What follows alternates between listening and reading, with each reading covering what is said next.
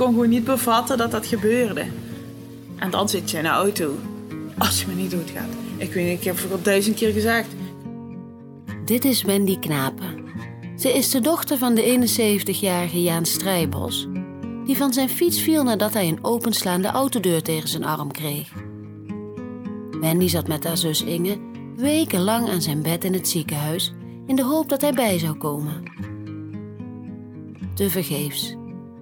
Na de dood van hun vader schreven de zussen de veroorzaker een brief. Ze hoeft zich niet schuldig te voelen. Het was een ongeluk. Je luistert naar de podcast Project 46, een onderzoek van de Limburger naar de verkeersdood.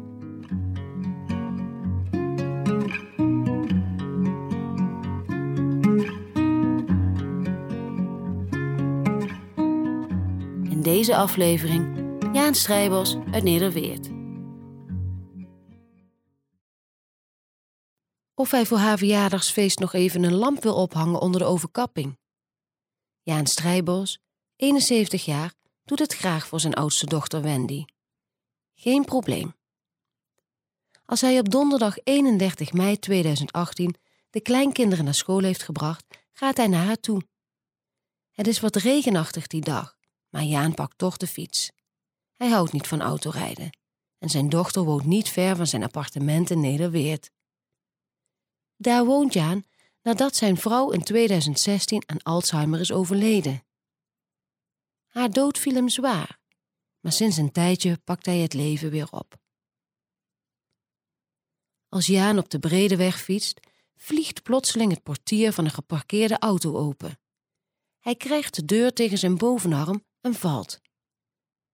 Jaan loopt een hersenkneuzing op. Een ambulance voert hem af naar het ziekenhuis in Maastricht. Daar overlijdt hij bijna twee weken later aan zijn verwondingen.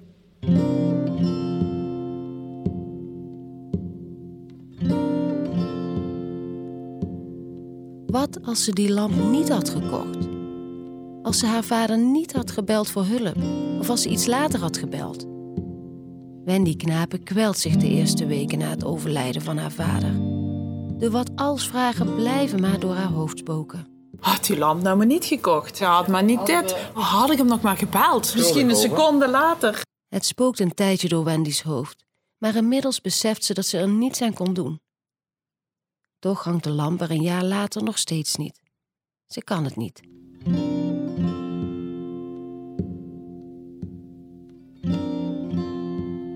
De zussen Wendy Knapen en Inge Smolenaars weten heus wel dat het een ongeluk was.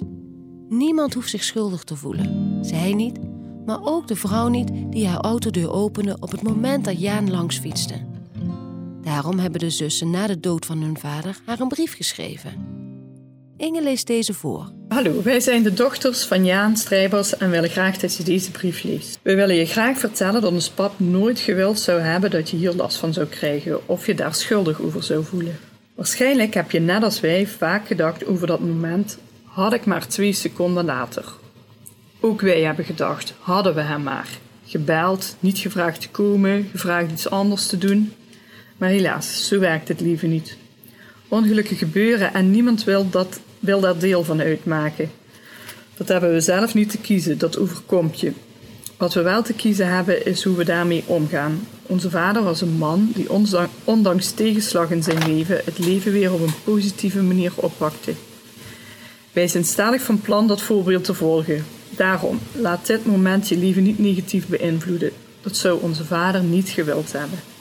Goed, Benny, Knapen en Inge. Hun oom en tante bezorgen de brief uiteindelijk.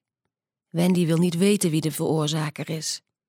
Niet omdat ze boos is, maar ze wil het gewoon niet weten. Want misschien ken ik haar wel, zegt ze.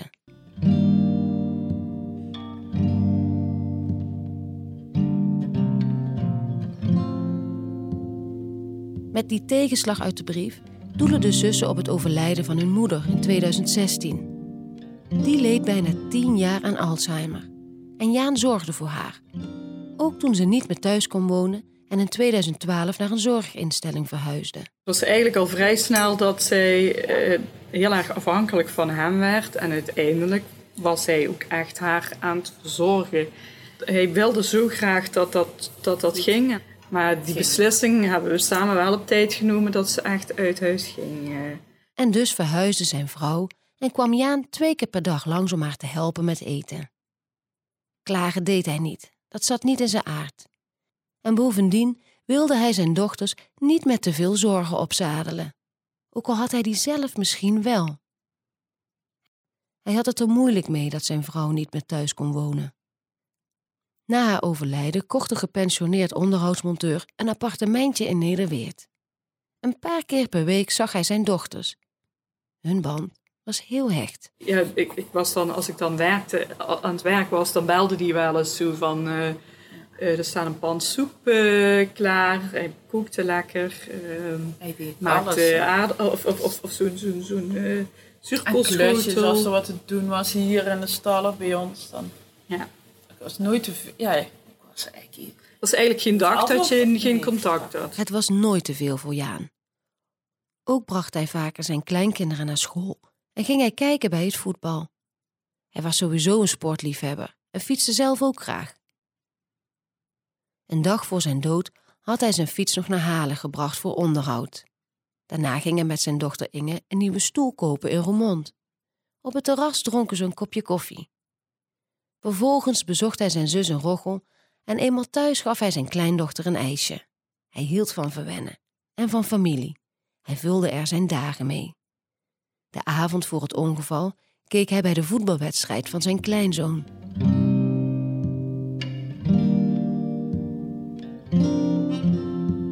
Op donderdag hoort Inge van de politie aan de telefoon dat haar vader een zwaar ongeluk heeft gehad. En dat komt dan binnen. Dat is heel graag. Dat was echt. Eh, ik weet ook dat ik daar stond en wij stonden net voor de auto met de kinderen om in te stappen. En dat ik, eh, dat ik ook helemaal dat ik door mijn knieën ging. Alsof ik zoiets had van, oh dat klopt, dit, gaat niet, dit is helemaal niet goed. Inge is dan op haar werk, maar stapt al heel snel in de auto naar het ziekenhuis. Onderweg belt ze zus Wendy. Die raakt direct in paniek. Ik kon gewoon niet bevatten dat dat gebeurde. En dan zit je in de auto. Als je me niet doodgaat. Ik weet niet, ik heb het al duizend keer gezegd. In de auto houdt Wendy haar vingers gekruist. Als hij maar niet doodgaat, prevelt ze nogmaals. Verderop op de snelweg rijdt Inge. En als ze een ambulance voorbij ziet komen, roept ze dat haar pap vol moet houden. Het zal toch niet dat je doodgaat doordat je van een fiets valt, denken de zussen. In het ziekenhuis krijgen ze te horen dat Jaan wordt geopereerd. Zijn schedel moet worden gelicht omdat er bloed onder zit. Later zien ze vanuit de wachtkamer door een raam met lamellen hun vader langskomen. Helemaal kaal geschoren en hij is nauwelijks nog herkenbaar. Hij zag er helemaal niet meer uit zoals ze helemaal opgezwollen.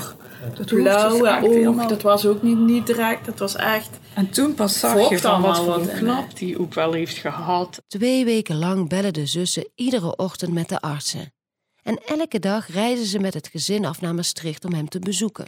Vaak ondersteund door andere familieleden. En iedere keer hebben ze de hoop dat hij wakker wordt. Er wordt van alles geprobeerd, zoals zware medicatie. En het leek de goede kant op te gaan. Jaan zou wakker worden. En je zag hem ook zo uh, bewegingjes maken, zo, zo van, alsof hij aan zo'n frontje die, wat je kende. Want dat, dat, dat vocht uit zijn hoofd, dat verdween ook heel snel. Je kon ook zien dat ze dat vocht... Of ja, hij kreeg de best ja, goede medicatie, hij kreeg vocht bij. Dus zijn huid, en dat zag er ook al heel snel weer goed uit. Maar Jaan wordt niet wakker. Op maandag 11 juni is duidelijk dat er niets meer te doen is. De behandelingen hebben niet aangeslagen. Jaan redt het niet.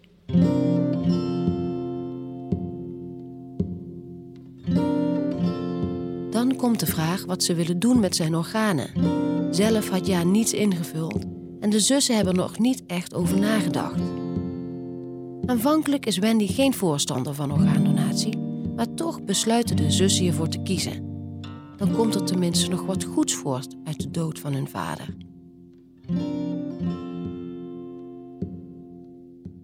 Van de rechter krijgt de bestuurder in februari 2019 een geldboete en een voorwaardelijke rijontzegging. Van de zussen had het niet gehoeven. Natuurlijk, je moet opletten als je aan het verkeer deelneemt. Let op, willen ze maar zeggen. maar emotioneel is de vrouw al genoeg gestraft.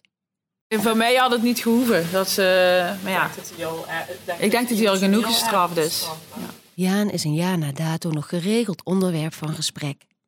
De zussen proberen te voorkomen dat het ongeluk hun leven negatief beïnvloedt. Want, zoals ze in de brief al schreven, Jaan pakt het leven na tegenslag op een positieve manier op. En de zussen zijn stellig van plan dat voorbeeld te volgen. Wel is Wendy met name in de periode kort na het overlijden voorzichtiger geworden, bang dat er iets met de kinderen gebeurt. En Inge, die heeft besloten niet meer te wachten met leuke dingen. Ik kan echt alles laten liggen om maar gewoon dat leuke wel te doen. En dat wat, uh, wat eigenlijk ook moet, maar dat, dat komt dan wel een andere keer. Uh, je weet nooit wat er morgen... Je, je hebt nooit de zekerheid dat het morgen nog allemaal hetzelfde is als vandaag. She left you alone for three days. What on earth were you gonna do? Je hoorde een aflevering van de podcast Project 46, een zoektocht naar de impact van de verkeersdood, gemaakt door de Limburger. De muziek die je hoort is van Pablo Aluca van de Poel. In de volgende aflevering het verhaal over de 26-jarige Juan Willems. Hij is op stap geweest in Duitsland, maar is nog niet moe als hij thuiskomt. Hij pakt de auto en vertrekt weer. Onderweg verliest hij de macht over het stuur en botst hij op de Rijksweg bij Sint-Joost tegen een boom. Zijn moeder Patricia laat na het ongeluk geen kans meer onbenut om alles uit het leven te halen. Voor mij was het altijd werken, werken, werken, voor iedereen zorgen. Wij hebben ook alle twee gezegd, nou gaan we zo schoon leven. Dan gaan we genieten van het leven.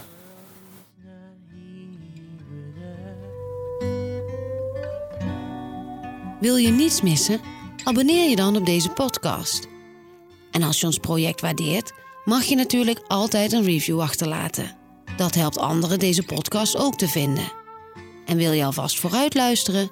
Alle afleveringen vind je gratis op delimburger.nl slash project 46. Three days here on earth enough to know this is not what you want. Now without her, your tailor.